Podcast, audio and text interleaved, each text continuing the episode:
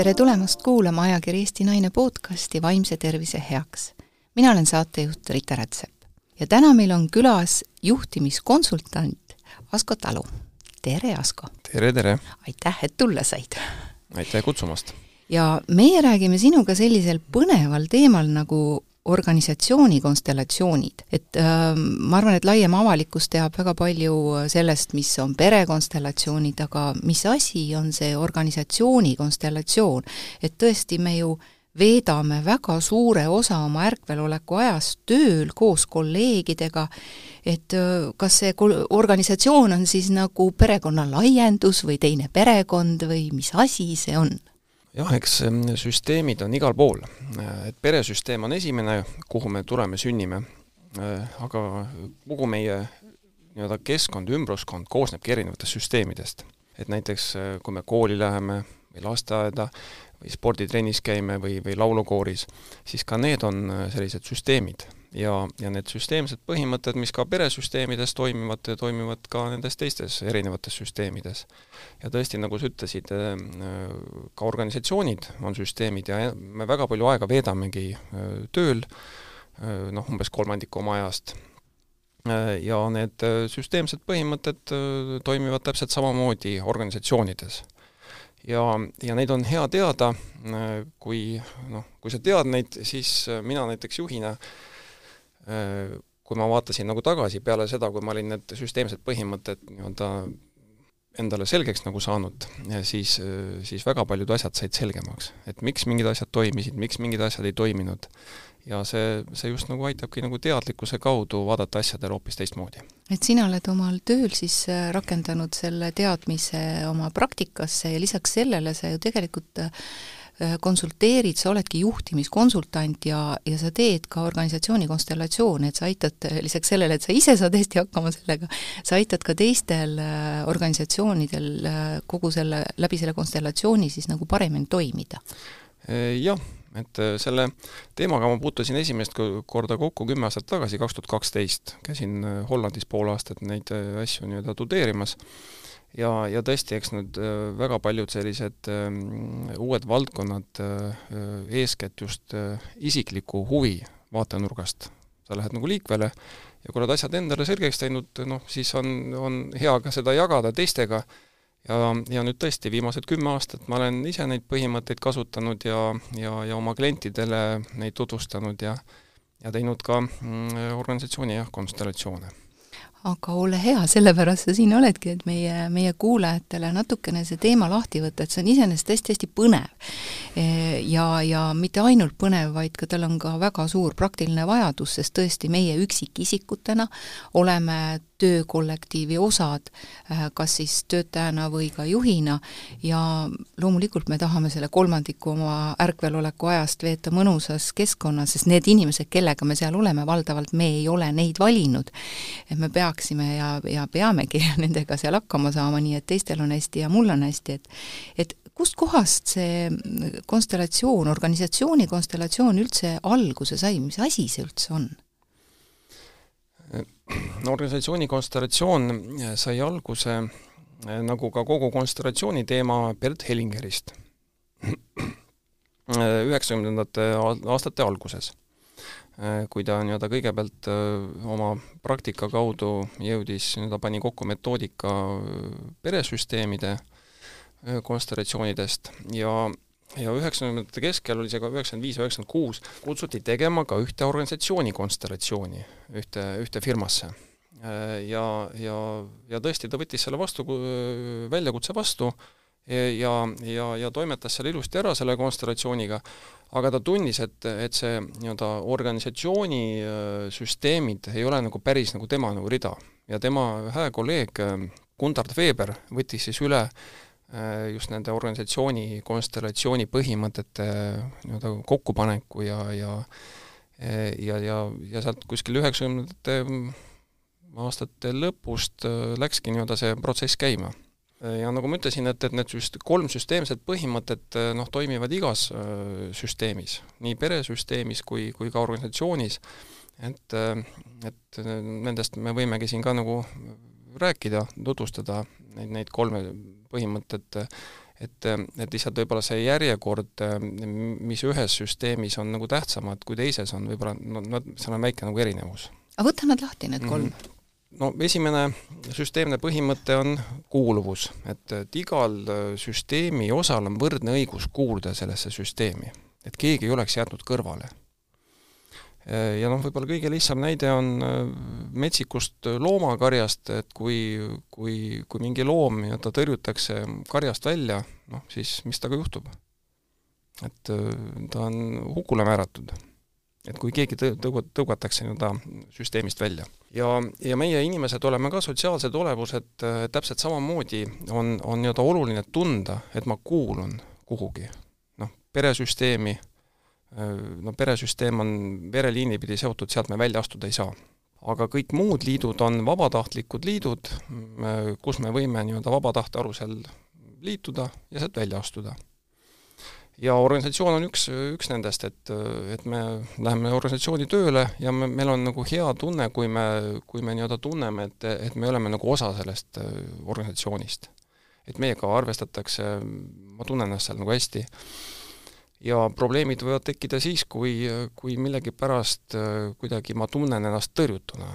et kas mul, mulle ei pöörata tähelepanu äh, või, või näiteks kui ma räägin siin kolleegidest, et, et, et kelle, kelle, kellegi kolleegi osas nii-öelda muututakse nagu tõrjuvaks, äh, et, et see ta tekitab nagu kohe sellise nagu halva tunde ja, ja nagu selles metsikus loomakarjas, ütleme tegelikult see, see baastunne on see, et ongi ellujäämis nagu selline täiesti nagu hirm nagu tekib, et, et kui, kui ma, mind, mind välja tõugatakse mingi süsteemist ja see praegu sinu juttu kuulates tekib mul paralleel, et, et siin ei ole mitte ainult, et kui võtame organisatsiooni, siis meil tekib silme ette kuvand või vähemalt minul tekib silme ette kuvand nagu mingist suurest struktuurist, äh, aga, aga see võib olla ka väike mingi töögrupp, äh, see võib olla ka kool, äh, kas klass, ka kool suuremas pildis ja klass siis äh, sealt allapoole, allsüsteemis, on, äh, on väike organisatsioon, grupp inimesi ongi organisatsioon ja näiteks kui sa räägid siis koolikiusamise puhul,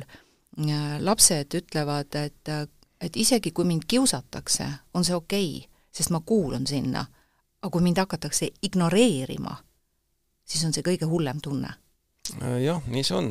et kui mind kiusatakse, siis mind vähemalt pannakse tähele et ma olen märgatud. Ja näiteks nagu paljud lapsed ju kas või koduski, kui nad ei saa heaga tähelepanu, noh siis nad noh, teevad mingit, mingit ulakust, ütleme siis vähemalt vanemad panevad need tähele. Ja, ja, ja siis nad nagu tunnevad, et nad on märgatud. ja koolis nagu tõesti, nagu sa ütlesid, et on, on nagu süsteemid ja on allsüsteemid, ka näiteks organisatsioonis, et me võime rääkida eh, osakondadest, me võime rääkida näiteks äh, erinevatest esindustest suurtes firmades üle Eesti näiteks, et on, ma ei tea, Tartu kontor, Pärnu kontor, Haapsalu kontor, või, või kuni nii-öelda osakonna tasandini kolleegideni välja. nii et, et tõesti nii-öelda süsteemis on, on nii-öelda väiksemad allsüsteemid ja samas ka meie organisatsioon, näiteks kool, kuulub kogu nii-öelda Eesti haridussüsteemi, et on ka nagu kõrgemad süsteemid mm. -hmm. ja kui me oleme selles süsteemis, siis seal on oluline, et ma tunnen ja tajun seda, et ma kuulun sellesse süsteemi. just. see on see esimene mm. -hmm teine põhimõte on äh, kord ja hierarhia. ja, ja see teine nii-öelda mm, põhimõte ütleb seda, et äh, igal süsteemi osal on kindel koht. ja äh, tean mina, kus on minu koht, ma tean, kus on nagu teiste koht, noh, näiteks organisatsioonis, et on, on tegevjuht, osakonnajuhid, töötajad et, et igalühel on oma kindel koht ja, ja siis on nagu oluline ka see, et et, et igal, iga, iga nii-öelda inimene teab ootusi sellele kohale ja tal on ka nagu reaalne ressurss täita neid eeldusi sellele kas, kohale. kas see on siis see, et süsteem on paigas, ametijuhend on paigas? ja, ja mõlemale poolele võrdselt arusaadavalt, et just, sinna ei jää just. mingisugust tõlgendamise kohta? jah, et see nüüd on see, et, et mina tean, kus on minu koht ja minu otsene juht teab, kus on minu koht. Äh, hea on ka see, et, et, et ka teised nagu teavad, mis on minu koht ja mina tean, kus on teiste koht. et ka, et ka nagu sellised üldised põhimõtted on nagu teada. et kui, kui mina näiteks ei tea, mida mu kõrval kolleegid nagu teavad, noh siis, siis ongi juba see natukene selline ebaselge olukord. ehk see, see, see üks nii-öelda selle põhimõtte alustala oli hierarhia, teine on kord ehk mängureeglid et oluline on, et, et, et me teame, millised on mängureeglid meie organisatsioonis. Ja kui need mängureeglid on paigas, siis on lihtne mängida seda mängu aga see on nagu perekonnasüsteemis, et kui laps võtab lapsevanema rolli, siis läheb asi paigast ära ja kui koristaja hakkab direktoriks, siis läheb ka asi paigast ära. just, ja, ja see on, ja kuidas me seda näiteks organisatsioonides märkame, on see, kui tekib selline kriitiline hoiak. kui me hakkame oma juhti kritiseerima, me ei ole rahul nagu tema toimetamisega, siis tegelikult me tõuseme hierarhiast temast kõrgemale. meie ütleme või meie arvame teadvat paremini, kuidas juht peaks käituma ja, ja sealt nagu tekibki kohe konflikt, noh. aga mõnikord ongi ju nii? mitte, mitte mõnikord, seda, seda võib päris tihti ette tulla. Mis siis ja. teha selles olukorras, kui tõepoolest juht ei ole pädev ja, ja töötaja tõuseb temast natuke kõrgemale, et midagi on nagu sassi läinud? jah, no vot, need on suhteliselt sellised äh, tüüpilised olukorrad just. ja mida, mida me selles olukorras teha saame? Mm, selleks, et ma selles süsteemis äh, saaksin rahulikult nagu toimetada ilma konfliktideta. ma pean aktsepteerima nii-öelda seda hierarhiat. et mina olen näiteks alluv ja sina oled minu juht. Ja juhul, kui ma nüüd ei ole rahul sinuga, siis, siis ongi see, et, et kas ma, kas ma nii-öelda jätkan nagu selles, selles süsteemis ja hakkan võitlema, mis tekitab nagu konflikti. või ma otsustan mängida mingit teist mängu kuskil mujal kas lahkun või surun alla, aga see allasurumine ilmselt ei ole väga jätkusuutlik? Äh, jah, ega see jätkusuutlik ei ole. Äh, ja vot nüüd ongi see, et äh, veel enne, kui me jõuame selle, selle kolmanda nagu põhimõtteni, võib-olla see, kuna, kuna see teema praegu nagu tekkis, on see, et, et see suurem süsteem, organisatsioon, ta proovib saavutada kogu aeg sellist tervet seisundit. ja kui, kui süsteemis mingisugune osa nii-öelda on nagu tasakaalust väljas, siis see süsteem hakkab nende süsteemi osade kaudu näitama kogu süsteemile, et midagi on nagu viltu ja midagi peaks nagu tegema. ehk seesama näiteks, kui, kui äh, mina olen sinu kui juhiga rahulolematu, siis sellel on ka mingi põhjus. siis järelikult võib-olla sa juhina ei täidagi sajaprotsendiliselt oma, oma ülesanded, et, et äh, et midagi jääb nagu täitmata. ja mina nii-öelda selle süsteemi osana olen see Äh, see süsteemi nii-öelda sõnumitooja, kes seda väljendab. aga tavaliselt on niimoodi, et mis nende sõnumitoojatega juhtub? lastakse maha. lastakse maha, jah. Kas just äh, olukord lahenes?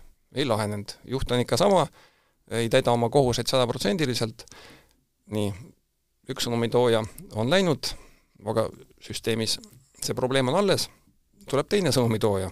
no seal võib tulla ka lõpuks diktatuur äh, võib ka nagu diktatuur tulla jah, niimoodi, et, et keegi ei julgegi nagu rohkem sõnumitoojad ei julge olla, sest et noh, ma olen näinud, et kolm esimest sõnumitoojat on juba seina äärde pandud ja ma parem ellujäämise mõttes lihtsalt kannatan selle kuidagi olukorra ära.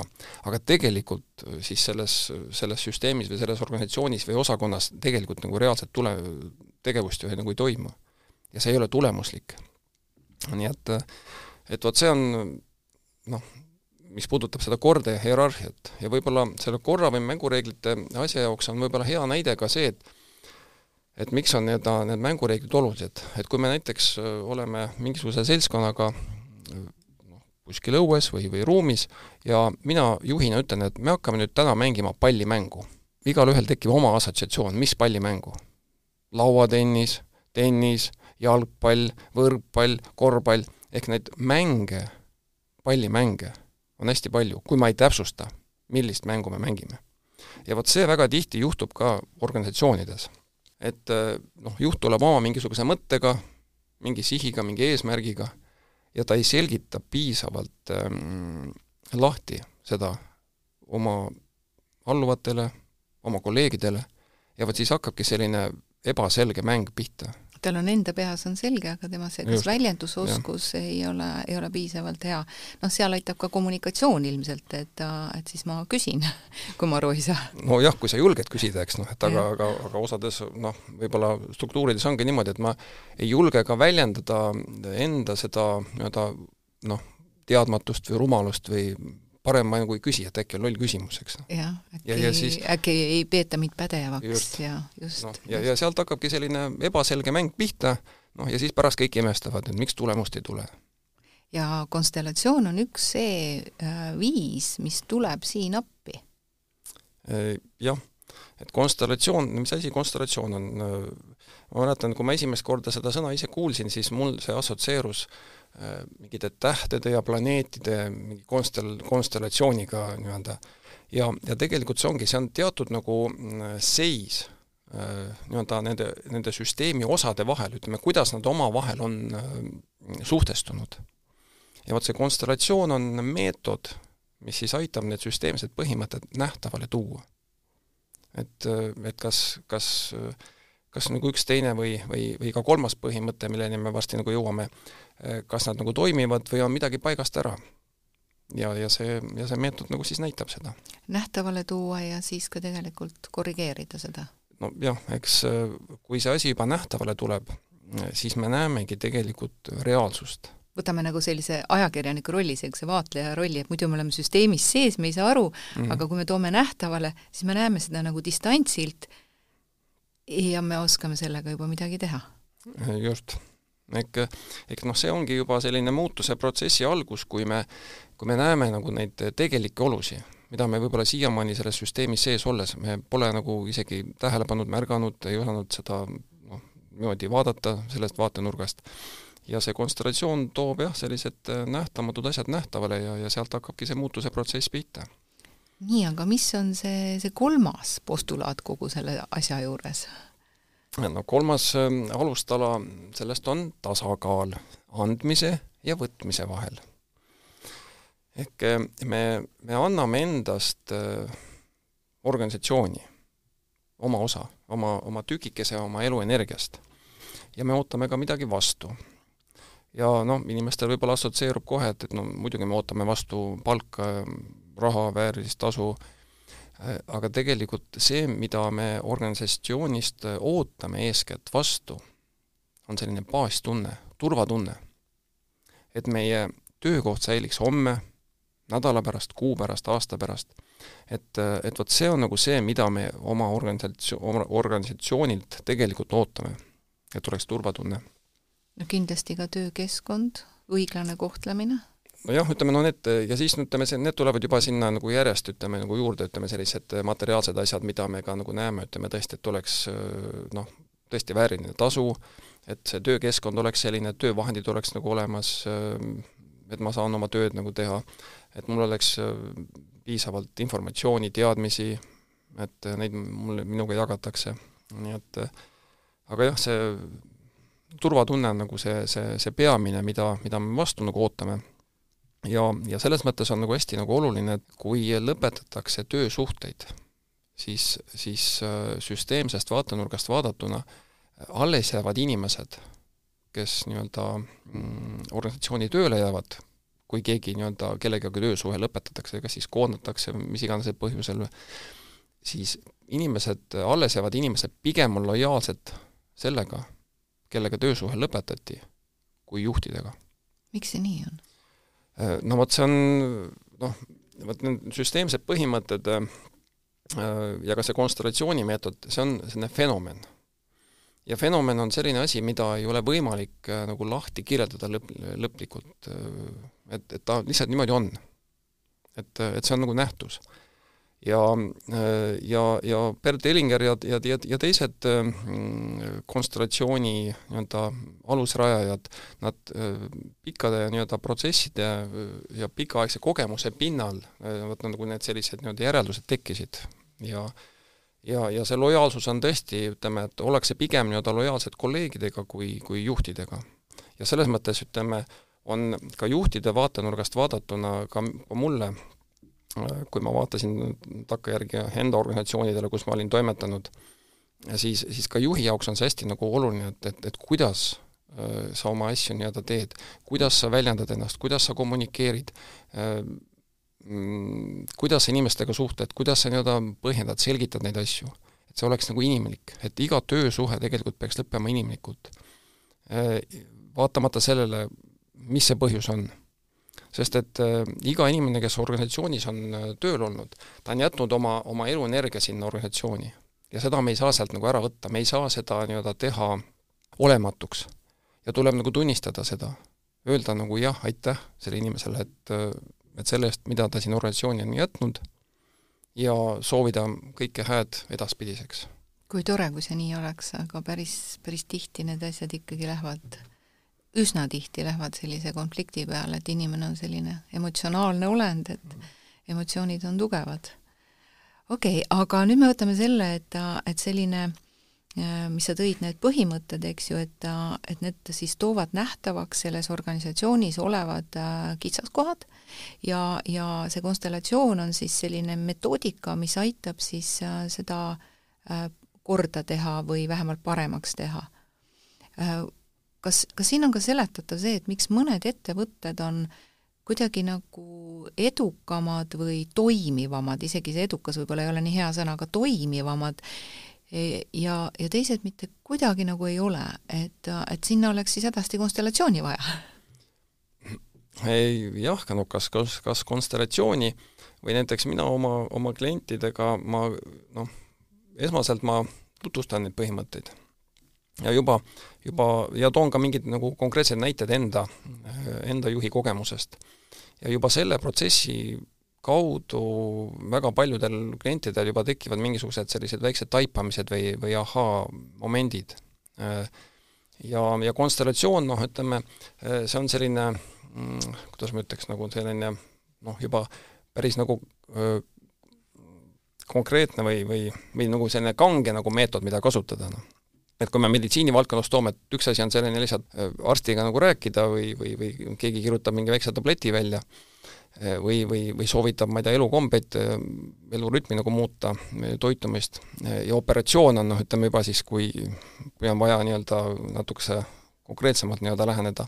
et vot see konstellatsioon või võib-olla on selline operatsiooni selline metafoor, et, et tihti nii-öelda piisab ka, ka sellisest nii-öelda nende, nende põhimõtete nagu selgitamisest ja koos arutelust äh, kliendiga nii et, et see on nii-öelda, kuidas, kuidas, kuidas mina olen nagu toimetanud, aga, aga mingisugused protsessid jõuavad ka konstellatsioonini.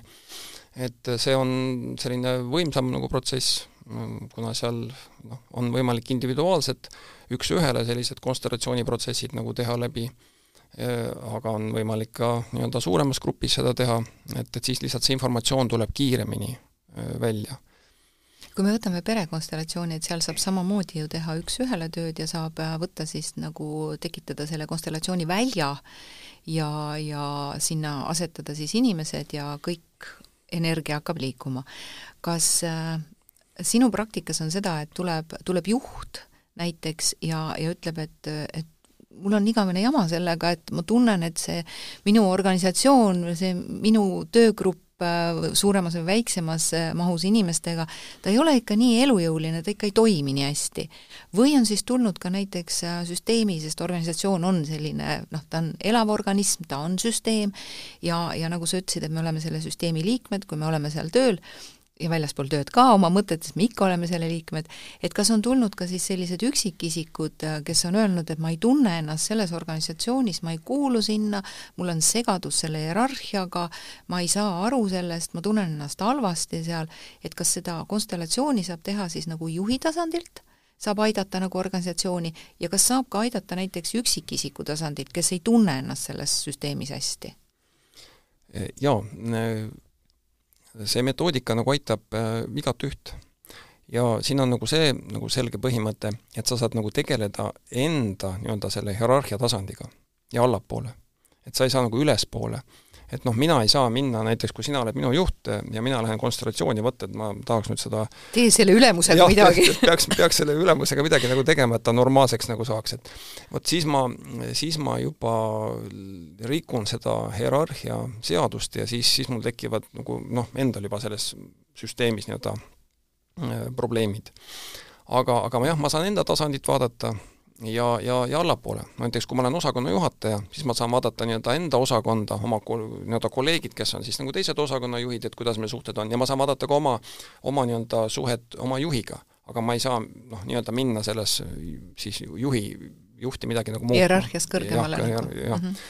et nagu neid suhteid saab vaadata, mis seis nagu on, ja tegeleda endaga ja, ja, ja ütleme, minu juurde on noh, jõudnud nii, nii juhid, osakonnajuhid kui ka töötajad ja noh, ütleme seda, seda metoodikat saab kasutada nagu erinevates olukordades, on võimalik nagu vaadata, kas on mingid, mingid probleemsed olukorrad, näiteks kui mingid asjad nagu ei tööta või toimi, nagu sa ütlesid, et et mingid ettevõtted justkui nagu toimivad paremini, asjad tulevad paremini välja, teistel on mingid takistused kogu aeg ees.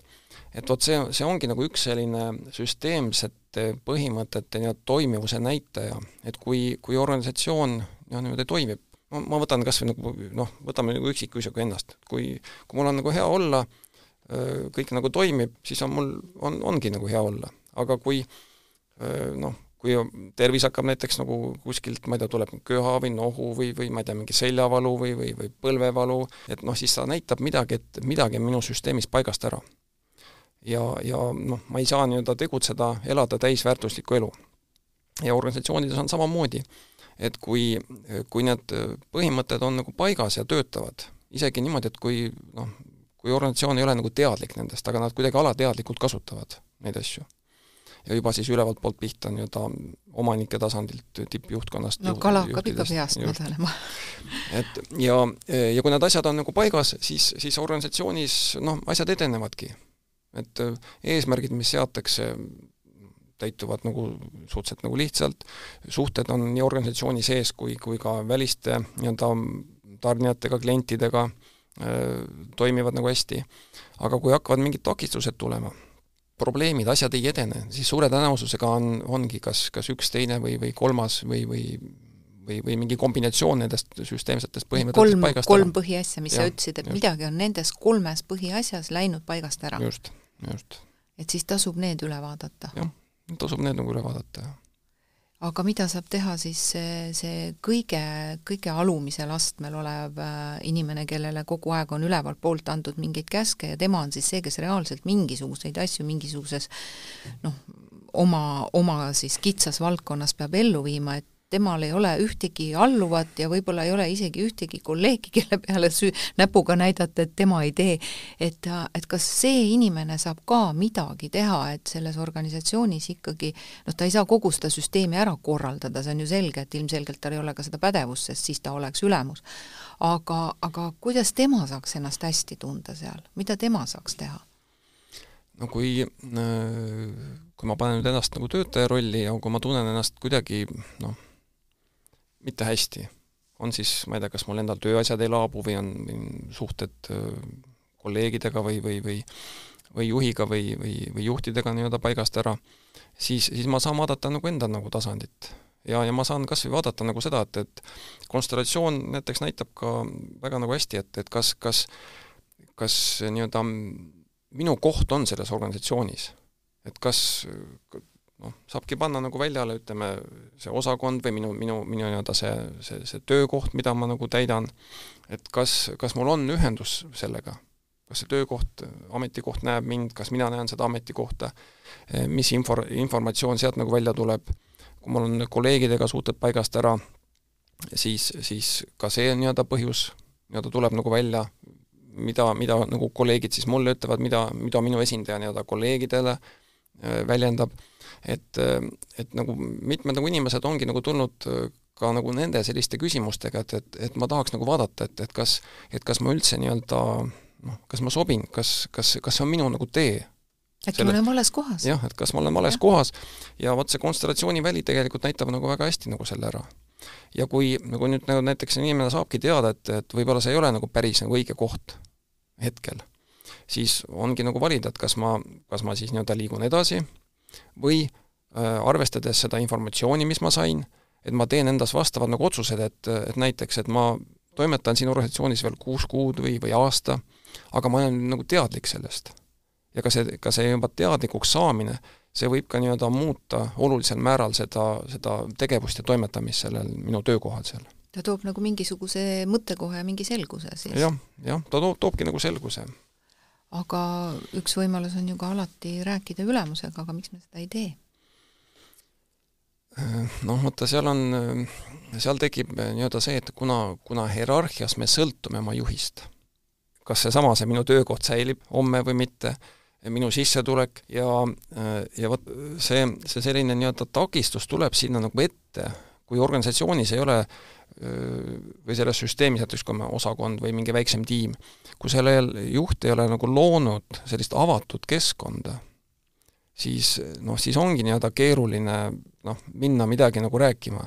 sest et ma kuidagi eristan teistest, eristun teistest, mina julgen öelda, teised ei julge öelda, noh siis tekib seesama see sõnumitooja efekt, eks noh, et, et noh, üks käib ja piniseb siin midagi, eks noh, et noh, saame sellest pinnisejast lahti, eks noh, et juhi jaoks on hea mugav, ütleme, et keegi, kõik noogutavad kaasa, noh, keegi nii-öelda konstruktiivset tagasisidet ei anna, no ja, ja mugav, eks noh. aga, aga tegelikult arengut ei toimu. nojah, loomulikult, et nurga taga räägivad kõik kaasa, aga, aga juhi ette ei julge nagu keegi minna ja, ja, ja juht ilmselt siis noh, paneb klapid pähe ja ütleb, et pigem ütleb, et kui ei ole inimest, ei ole probleemi. Jah, eks ta kahjuks niimoodi mm, üldjuhul on. Ja see tulebki sellest samast teadmatusest, et, et väga paljud juhid noh, ei teagi seda. Ja mina arvan, et see on puhas egoism. Nojah, eks, eks me, eks me kõik oleme või egotsentrism ma arvan, see egoism on nagu hea asi, kui ta on, kui ta on nii-öelda õigel sellisel tasandil, eks noh, et kui ta on liiga väike, noh siis me teeme ennast liiga väikseks, noh olematuks, kui ta on liiga suur, noh ütleme siis, aga aga see ego annab, annab meile võimaluse olla individuaalne, eristuda nagu teistest, aga, aga me peame jah, suutma nii-öelda seda reguleerida selle, selle õigele nivoole, et et me enna, ennast ega teisi ei kahjusta sellega, eks. noh no ilmselgelt väike nali vahele, aga eks siin taga võivad olla ka hirmud, et, et see ülemus tahab mõnikord olla seal lõvinahas, et keegi jumala pärast ei näeks, et seal on väike kassipoeg sees.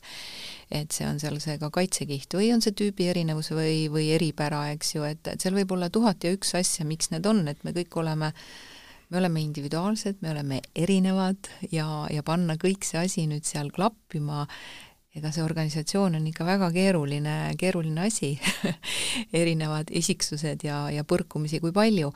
ja täpselt samamoodi on ju peresüsteemis, et, et tuues siia sellise perega paralleeli, kui laps näiteks ei tunne ennast hästi ja vanemad on autoritaarsed või vähemalt üks nendest vanematest on autoritaarne, ta ei julgegi tema juurde minna ja, ja kogu see süsteem saab kannatada, tegelikkuses kogu peresüsteem saab kannatada ja täpselt samamoodi, et isegi pisikesest ühest inimesest saab kannatada ju kogu selle organisatsiooni terviku toimimine. nüüd äh, hea uudis on see, et äh, me kõik ise loome endale selle, kus me täna praegu oleme. ja, ja, ja teine hea uudis on veel, et, et meile antakse nii suur koorem kanda, kui me seda kanda jõuame. et midagi, äh, midagi nii-öelda üle jõu käivat ei anta et äh, kuigi see nii võib tunduda. jah, see võib niimoodi tunduda, et, et äh, vot sellised rasked olukorrad, probleemid äh, on tegelikult võimalused, need õpetavad meid. ja, ja need inimesed, kes võib-olla julgevad vaadata vot sellistele olukordadele kui õpetajatele, tänada, tervitada, võtta neid vastu võimalustena, ongi võib-olla noh, saavad nagu liikuda kiiremini elus edasi kui need eh, noh, kes noh, kui sa seal kogu aeg kurdadki kogu elu, et oi, nüüd näed see ja teine ja kolmas ja vot eh, juht on halb ja ma ei saa ja siin kolleegid ka ja noh, ma virisen ja vingun mitmes aasta juba järjest, aga mitte mingit muutust ette ei võta. et eh, noh, ja, ja, ja peresüsteemis eks, eks nagu lapsed valivadki omale need vanemad just selle, selle perekonna, selle keskkonna, selle kultuurilise keskkonna äh, et, et neid hingehaavu siis tervendama nii-öelda hakata ja, ja see füüsiline kehastus äh, siin hinges, hinge nagu teel on, on nagu võimalus astuda nagu järgmine samm. et siin oli juttu, et organism või organisatsioon on ka nagu elu, elav organism, sest et seal on inimesed. et organisatsioon on väga dünaamiline. ja, ja, ja igal sellisel noh, igal, igal protsessil on algus ja lõpp. nagu inimese elul, noh, me sünnime siia füüsilisse kehasse ja ühel hetkel me läheme, ja ka organisatsioonid tegelikult, nad, nad nagu sünnivad ühel hetkel kas ühe või mitme inimese mõttest, ideest ja, ja ühel hetkel saavad nad otsa. ja see on nagu ka nagu täiesti, see on nagu loomulik protsess. ja nüüd küsimus on nagu selles, et, et kui teadlikult me äh, suudame siis nii-öelda seda äh, seda, seda füüsilist protsessi noh, siis nagu läbida, et, et meil oleks nagu võimalikult hea. et kui, kui me kuskil, kui me tunneme, et, et mingisugune ebamugav olukord nagu tekib, noh, siis, siis, siis peab midagi ette võtma, eks noh, peab asjadele kuidagi teise nurga alt vaatama, ütleme aitäh, et nad tulid midagi nagu ütlema, et isegi võib-olla sellel hetkel ma ei tea, mis see nagu on, aga ma olen avatud sellele vastu võtma seda, seda informatsiooni jaa, me teame seda, see on, see on nii, aga inimene tihti põgeneb ja süüdistab teisi, sest nii on ju lihtsam. Äh, palju raskem on vaadata endasse, et mis on see, mida mina näha ei taha. et see olukord on ju tegelikult peegel meie ees, peegeldab meile midagi ja me ei taha seda näha, et see on selline pisike nartsism, mis meil sees istub. jah, et äh, üks õpetaja just ütles, et, äh, et need Need olukorrad on justkui nagu peeglid, nagu sa ütlesid. ja mida me tavaliselt teeme? me ei julge sellesse või noh, ei julge, ei taha sellesse peeglisse vaadata. peeglid selle... ongi väga kahtlased asjad ja me lõhume selle peegli ära, eks. aga ol-, kas olukord muutus, kas, kas, kas mina muutusin? ei muutunud, tuleb järgmine peegel, lõhun ka selle nagu ära, eks noh. ehk ma ei noh, ja see, ja see ei lõpe ennem, kui ma, kui ma nii-öelda ei julge sinna peeglisse vaadata ja endaga tegelema nagu hakata eks ta täpselt samamoodi on nende organisatsioonidega, et on ta siis äh, juhi või omaniku tasand, kui ma näen, et mingid asjad ei edene, noh siis, siis tuleb nagu vaadata asju teisest vaatenurgast. Äh, kui mul endal võib-olla teadmisi, mm, kogemust, teadlikkust on vähem, noh siis siis nagu leida kedagi nagu võib-olla väljapoolt, äh, kellel on nagu see kogemus olemas, et, et suhelda nagu, jagada neid asju, et no näha nagu teisest vaatenurgast Äh, jah aga konstellatsioon iseenesest, äh, et me ei läheks väga negatiivseks siin, konstellatsioon on äh, suunatud tegelikult lahenduste leidmisele. ta on üks abivahend, mis aitab meil leida lahendusi ja, ja ja tegelikkuses on see, et igas süsteemis on lahendus tegelikult olemas, aga me lihtsalt ei näe seda ja konstellatsioon siis tekitab sellise distantsi äh, ja aitab meil võtta selle vaatleja rolli, et me saaksime siis aru, mis seal nagu toimuma hakkab. kas ma olen sellest nüüd õigesti aru saanud? jah, täiesti õigesti. et kui mingisugused probleemsed olukorrad äh, tekivad, siis, siis meil tekib justkui nagu selline mingi, mingi vari sinna ette, me ei näe seda lahendust niimoodi otse. et kui me näeksime, siis me noh, lahendaks selle olukorra ära. ja vot see konstellatsioon ühe meetodina, noh need eks neid äh, juhtimisalaseid nii-öelda konsultatsioonimeetodid on nagu erinevad, ütleme, kuidas nagu jõuda mingi nende, nende asjadeni. aga konstellatsioon aitab tuua siis äh, välja nähtamatud asjad, mis, äh, mida me ise nagu ei märka, ei pane nagu tähele. ja, ja, ja vot üks nagu väike erinevus võib-olla organisatsiooni konstellatsiooni ja pere nii-öelda konstellatsiooni vahel on see, et et perekonstellatsioonis on nii-öelda see lahenduskesksus on nii-öelda esmane organisatsiooni puhul alati äh, ei otsitagi nagu lahendust, vaid, vaid see, see informatsioon, mis tuleb nähtavale, see, see ei pruugi võib-olla otseselt midagi nagu lahendada, aga, aga ta võib olla nii-öelda järgmiste otsuste aluseks. see informatsioon, mis nii-öelda välja tuleb, siis äh, ma saan teha nii-öelda järgmiseid samme. et äh, kuna, kuna need organisatsiooni konstellatsiooniprotsessid võivad minna nii-öelda väga noh, väga nii-öelda nagu suureks detailseks, äh, äh, kuna kuna organisatsioonis on palju rohkem neid erinevaid süsteemi osasi, kui meil peresüsteemis on ainult ütleme, ema-isa, noh, ja sealt vanavanemad, õed-vennad, lapsed, aga organisatsioon puutub kokku nagu erinevate huvipooltega ja osapooltega. töötajad, omanikud, ühiskond, Maksuamet, kohalik omavalitsus, kliendid, eks need, eks need eh, nii-öelda süsteemide omavaheline selline mm, kokkupuutumine ja lõimumine on palju nagu suurem. et sellepärast äh, alati nagu ei otsitagi nii-öelda sellist nagu lõplikku lahendust, vaid, vaid nii-öelda selleks eesmärgiks ongi mingisuguse informatsiooni nii-öelda esiletulek, nähtavaks muutumine, et me saaksime nagu teha järgmiseid otsuseid. nagu korrigeerida süsteemi? Noh, kas nüüd nojah, ütleme enda nii-öelda, enda nii-öelda toimetamist selles, selles süsteemis või kui ma olen nagu juhi tasandil, noh ütleme, et mis on need nagu järgmised sammud, et näiteks on võimalik vaadata nagu erinevaid valikuid, kui meil on mingisugused uued tooted tulevad või, või u-, tahame uuele turule näiteks minna või, või otsime kas või näiteks, on erinevad nii-öelda kandidaadid äh, töökohale, et siis ka neid on võimalik nii-öelda äh, testida, nagu vaadata, et mis, mis nagu praegusel hetkel, kus nii-öelda see kõige suurem nii-öelda energeetiline seos nagu on. Äh, nii et et eh, jah, organisatsiooni konstellatsioonis alati see, see lõpplahendus ei ole nii-öelda alati nii-öelda eesmärk või siht, et, et pigem nagu see selline informatsiooni esiletulek, et me saaksime teha nagu oma järgmiseid samme. et protsess liiguks äh, mitte samamoodi, kui me, kui me oleme mingis olukorras, mis ei ole nagu okei okay,, äh, teeme sinna süsteemi siis konstellatsiooni, äh, teadvustama selle, siis ei ole mõtet enam samamoodi edasi teha, sellepärast et siis me oleme jälle samas punktis. et, et siis me ikkagi mingil määral korrigeerime, viime mingid korrektuurid sisse ja nüüd see protsess liigub äh, edasi juba mingil määral muudetud kujul. ja me saame vaadata, et aa, et kas see toimimine on nüüd siis parem. no just, et, et ka see on juba selline muutuse või tervendamise protsess, kui mingisugune nähtamatu asi tuleb nähtavale. et ta, anname talle koha. ütleme selle asjale nagu jah, et näed, nüüd ma näen seda probleemi sellest vaatenurgast. ma ütlen selle asjale jah ja see on juba nagu selline päris nagu suur samm nagu edasi. noh, näiteks ka noh, erinevate nii-öelda probleemide ju ka, ka isiklike nagu probleemide osas, et äh, on ta mingi sõltuvus või, või noh, kui ma ütlen selle asjale nagu jah, et ma ei, ma ei nagu ei eita või, või ei argumenteeri või ei põhjenda kuidagi, selgita endale või teistele ära, miks ma ikka, ma pean seda niimoodi tegema. kui ma ütlen selle asjale nagu jah, siis, siis sealt nagu juba see protsess nagu läheb käima nojah, peresüsteemis ei saa teha ümberstruktureerimist, aga, aga organisatsioonis saab teha ka struktuuri muutust, et võib-olla on vaja kogu selles süsteemis teha mingisugune noh, allsüsteemid kuidagi midagi tõsta, midagi ümber struktureerida, mingid ametikohad ümber teha, et et, et ka see võib olla konstellatsiooni tulemus, et oot, stopp, et see vana mudel teil enam ei tööta siin, et aeg on edasi läinud.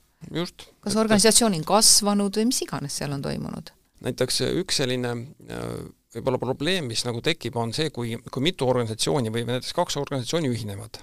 ja, ja siis nagu luuakse mingeid täiendavaid nagu selliseid ebavajalikke kohti noh, näiteks eelmistele juhtidele. et noh, et loome talle mingisuguse koha, aga tegelikult seda kohta süsteemis ei ole vaja. lihtsalt sellepärast, et noh, et noh, et inimene püsiks seal organisatsioonis või noh, ütleme, et, et oleks vääriline koht, aga tegelikult ütleme, selline mittevajalik koht, ta muutub süsteemi jaoks nagu raskeks või koormavaks. ja, ja see võib olla hoopis nagu karuteene. nii et, et noh, tõesti ütleme nendes, me peame vaatama seda organisatsiooni kui, kui elavat sellist organismi, et mis, mis kogu aeg on sellises muutuses ja liikumises. ja, ja kui vaja, siis tõesti tuleb nagu vastavaid muudatusi teha. ja, ja näiteks noh, minu konstellatsiooniõpetaja Hollandis, Jan-Jakob Stamm, just siin umbes aasta aega tagasi ütles, et ta hea meelega Bert Hellingerile pakuks nagu välja nii-öelda sellise täiendava nii-öelda võimaluse selle teise põhimõtte ehk kord hierarhia nii-öelda puhul, et, et ta asendaks selle sõna hierarhia nagu struktuuriga või vormiga. ja ta tõi sellise näite, et, et praegusel ajal väga palju nagu noh, luuakse nagu selliseid startup ettevõtteid. No ongi, ütleme selline sõpruskond, kaks-kolm-neli sõprad-tuttavad nii-öelda loovad organisatsiooni, äh, hakkavad midagi nagu tegema, neil, neil ei olegi nagu sellist kindlat hierarhiat, eks, et keegi on juht ja keegi on osakonnajuht, vaid no nad kuidagi on omavahel ära jaotanud selle, äh, need, need äh, tegevused, mida nad teevad. aga nii, kui nad, see startup nagu saab nagu piisavalt suureks ja otsustatakse mm, investorile nagu maha müüa, siis investor tuleb ütleb, et nii, nüüd te peate looma hierarhia, mingisuguse, et kes on seal tegevjuht, kes on finantsjuht ja, ja vot äh, selle hierarhia loomisega lõhutakse tegelikult ära see, see loomulik vorm, mis seal ennem oli. eks see energia enam ei, ei, ei tööta või ei toimi. eks see energia pannakse justkui nagu mingisugusesse raami. ja, ja, ja vot sellepärast nii-öelda Jan Jakob Stamm nagu ütleski, et, et tema ta on hakanud asju ka nagu vaatama sellest vaatenurgast, et võib-olla rääkida nagu äh, ka sellisest ähm, vajalikust organisatsiooni vormist, et iga organisatsioon peaks nagu vaatama, et mis vorm talle parasjagu sellel hetkel nii-öelda kõige paremini sobib. just seda energiat, mis, mis nagu nende, nende toimetavad, seal, seal, seal töötavate, toimetavate inimeste näol nii-öelda kõige paremini nagu sobib. et see on nii-öelda nagu, nagu lapselgi, ütleme, kui laps nagu kasvab, et, et tal on mingisuguseid nagu piire vaja aga et me ei saa nii-öelda nagu liiga nii-öelda raami nagu suruda, noh et aga lapsel on neid piire vaja, mingisuguseid, mingit vormi on tal vaja, ütleme, mingit, mingit mängu, mängumaad, mänguruumi, kus ta liigub, et, et ta saaks nii-öelda areneda. Ja vot organisatsiooni puhul noh, ka võib-olla just nagu selliste väiksemate äh, organisatsioonide puhul äh, et mitte nii-öelda selle hierarhiaga võib-olla nagu lõhkuda nagu ära seda, seda head nii-öelda dünaamikat, mis seal, mis seal oli noh, muidugi kui organisatsioon kasvab, siis mingisugusel hetkel tuleb hakata noh, süsteemsemalt vaatama. aga, aga seda ka nagu noh, siis niimoodi loomu-, loominguliselt pigem nüüd käsitleda. nii nagu iga perekond on erinev, nii on iga organisatsioon erinev elusorganism. täpselt nii ta on. aga, aga kas sa äh, tooksid välja näiteks äh, lihtsalt üsna konkreetselt, et äh, milliste küsimuste korral näiteks saab organisatsiooni konstellatsiooni üldse kasutada? No kõige lihtsam valdkond on erinevad valiku sellised võimalused. no näiteks, kui meil on, otsime töötajat ja meil on näiteks erinevad kandidaadid, siis on võimalik nii-öelda Eesti Energial praegu käib see no, no näed, no siis, siis saab neile välja pakkuda. et ma olen äh, äh paar-kolm nii-öelda klienti on äh, Äh, on nagu tulnud just nagu selle teemaga, et, et olnud äh, võtme, võtmeisiku nii-öelda selline kandideerimisprotsess, on otsitud võtmeisikut. ja, ja kui on jäänud seal mõned inimesed sõelale, siis, siis olemegi teinud niimoodi pimedal kujul, et, et, et me ei tea, mis on number üks, kes on see number üks kandidaat, kaks-kolm, ja, ja nii-öelda see konstellatsiooni nagu väli näitab äh, nagu ära, ütleme, et, et organisatsiooni jaoks vaat sellest kolmest äh, võimalikust kandidaadist, et, et kelle vahel tekib nagu kõige suurem selline noh, energeetiline side või, või, või keda nii-öelda kõige, kõige rohkem organisatsioon näeb. ja ja, ja see on nagu huvitav olnud, et, et, et enamus nendes olukordades need juhid on ka öelnud, et, et vot see, mida see konstellatsiooniväli näitas, et see oligi nende esimene valik. eks see, nagu sa ütlesid, et igas süsteemis on tegelikult see lahendus on juba olemas.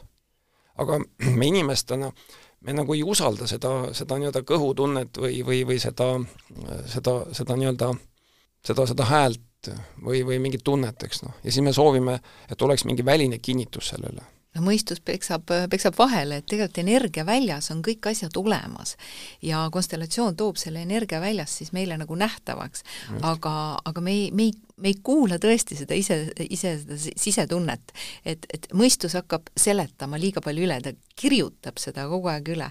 et konstellatsioon ongi see, mis, mis siis toob selle energia väljas oleva informatsiooni meile tegelikult nähtavaks. just ja, ja noh, ütleme, et eks see no ikkagi see otsustamine jääb nagu siis juhi või juhtide nii-öelda tasandil, et kas nad selle informatsiooniga midagi siis ette võtavad või, või ei võta, eks noh. aga tõesti, ta toob, toob selle asja nagu nähtavale.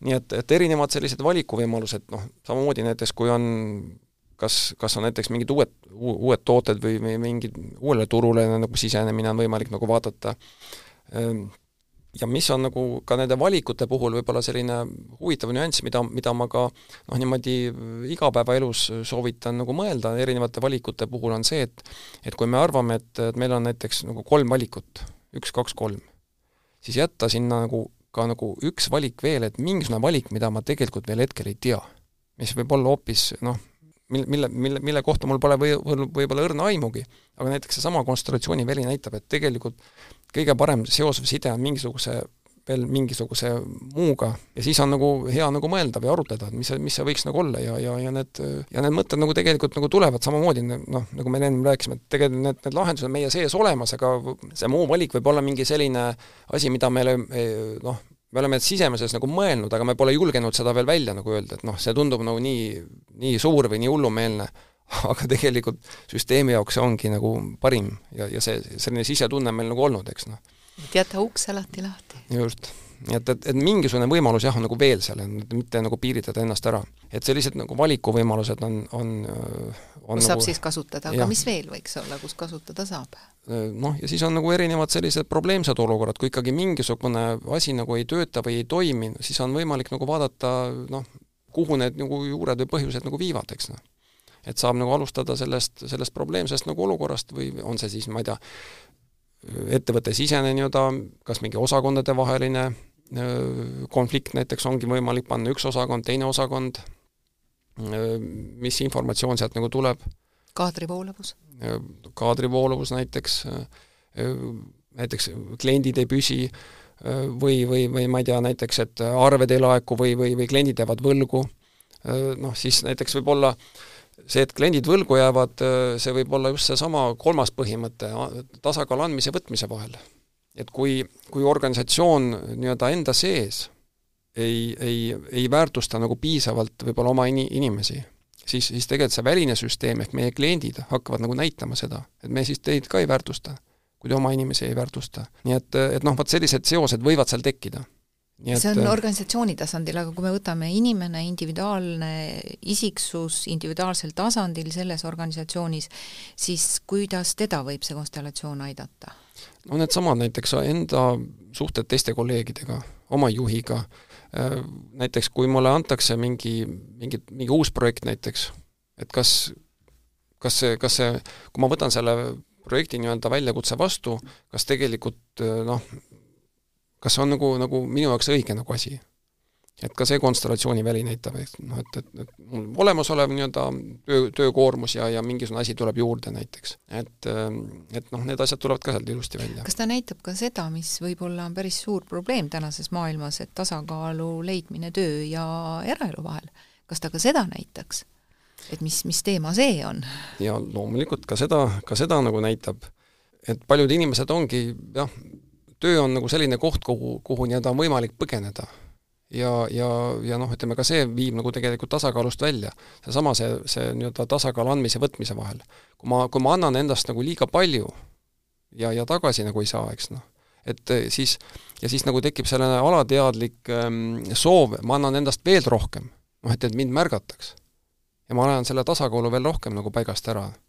et äh, noh, töötan ja töötan, töötan, noh, pingutan, aga keegi mind ei märka ja, ja, ja noh, ja need, need asjad nagu tulevad nagu sama, samamoodi selle konstellatsiooni välja peal nagu välja ja igasugune selline otsuste tegemine, et just seesama ukse lahti jätmise koht, et et muidu see mõistus kogu aeg tuleb vahele, mis on seotud hästi palju meie kogemustega ja meie õnnestumiste ja ebaõnnestumistega, mille peale me siis seda konstruktsiooni ehitame. aga, aga võib-olla see konstellatsioon ongi see, et kui mul on vaja mingi otsus teha, siis see on see uks, mis on lahti. et teeks väike konstellatsioon ja tegelikult hops, tuleb hoopis teistsugune lahendus sealt just, jah, mida, mida meil siiamaani võib-olla pole isegi, pole, pole julgenud nii-öelda endale tunnistada mingit asja, eks noh. ja kuskil ja, on ta olemas. ja kuskil on ta olemas, meie, meie enda sees on see, see, see nii-öelda see tõmme mingi asja poole nagu täiesti olemas ja, ja, ja konstellatsioon on jah, nagu väga hea võimalus seda, seda näha ja, ja siis on juba meie asi, et kas me julgeme selle, selle info põhjal midagi siis nagu tegema hakata või või jääme sinnasamale tasandile, ah, ma nüüd küll nägin seda, aga kuidas, ja siis tuleb jälle see mõistus hakkab siin nagu kõhklema ja kahklema, et kui sa seda nüüd teed, no mis siis saab nüüd, kuidas sa selle kogemus, kogemus tuleb sealt. Ja konstellatsioon on siis see, mis toob asjad tegelikult nähtavaks. kas sa meile siia lõpetuseks äh, äh, saaksid, võiksid tuua mõne ägeda näite, kas siis Eestimaalt või, või kuskilt maailmast, mingist kogemusest, kus konstellatsioon on midagi äh, kas väga suurt või mitte nii suurt ära lahendanud, et on sul mingi selline näide tuua kohe, et vot oli nii, tehti nii ja juhtus nii?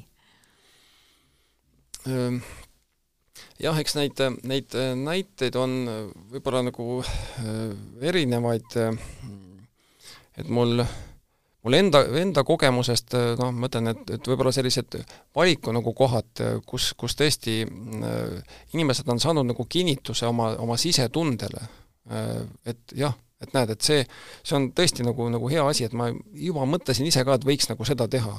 ja, ja, ja, ja saavad nii-öelda kännu tagant nagu minema. ja, ja noh, kui sa näed, ütleme, et, et noh, et inimene nagu läheb ära äh, Äh, läheb ära, ütleme sellise, sellise nagu energiaga ja nagu teotahtega ja, ja, ja mõne aja pärast nüüd nagu küsid, et, et noh, kuidas nagu läheb, siis ütles, oi, vot see oli, see oli nagu parim asi, mis võis nagu juhtuda, noh et, et, et miks ma, miks ma nagu varem nii-öelda nende, nende asjadeni võib-olla ei jõudnud. aga äh, võib-olla, võib-olla siin nagu lõpetuseks ma, ma ühe sellise nii-öelda näite veel nagu süsteemist nagu toon, äh, mis oli nagu selline huvitav ähm, näide, et süsteemi osad võivad olla vahest nii-öelda selle suurema süsteemiga täiesti vastupidises li-, liikumises või, või arengusuunas. kui me võtame näiteks äh, liiklusummiku, kui me ülevalt poolt vaatame nii-öelda liiklusummikut niimoodi helikopteri vaates, siis äh, need, äh, kui ma istun seal autos liiklusummikus, ma liigun autoga edasi, ehk minu liikumissuund selle süsteemi osana on liikumine edasi aga kui me sealt ülevalt poolt vaatame, kuhu see nii-öelda suurem süsteem kui liiklusummik, mis on tema arengusuund, liiklusummik kasvab hoopis vastupidises suunas. ja, ja vot see pani nagu mind nii-öelda vaatama asjadele hoopis nagu teise vaatenurgaga, vaatenurga alt.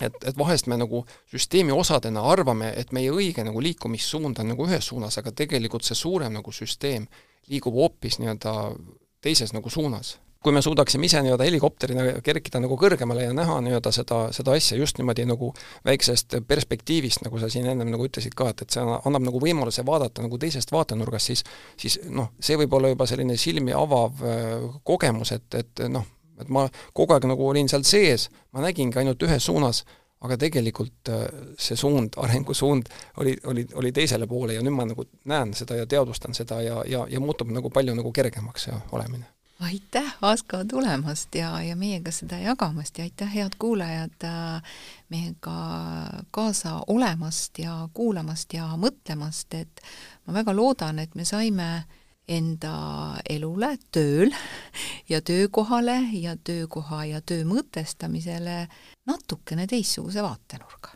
aitäh! aitäh!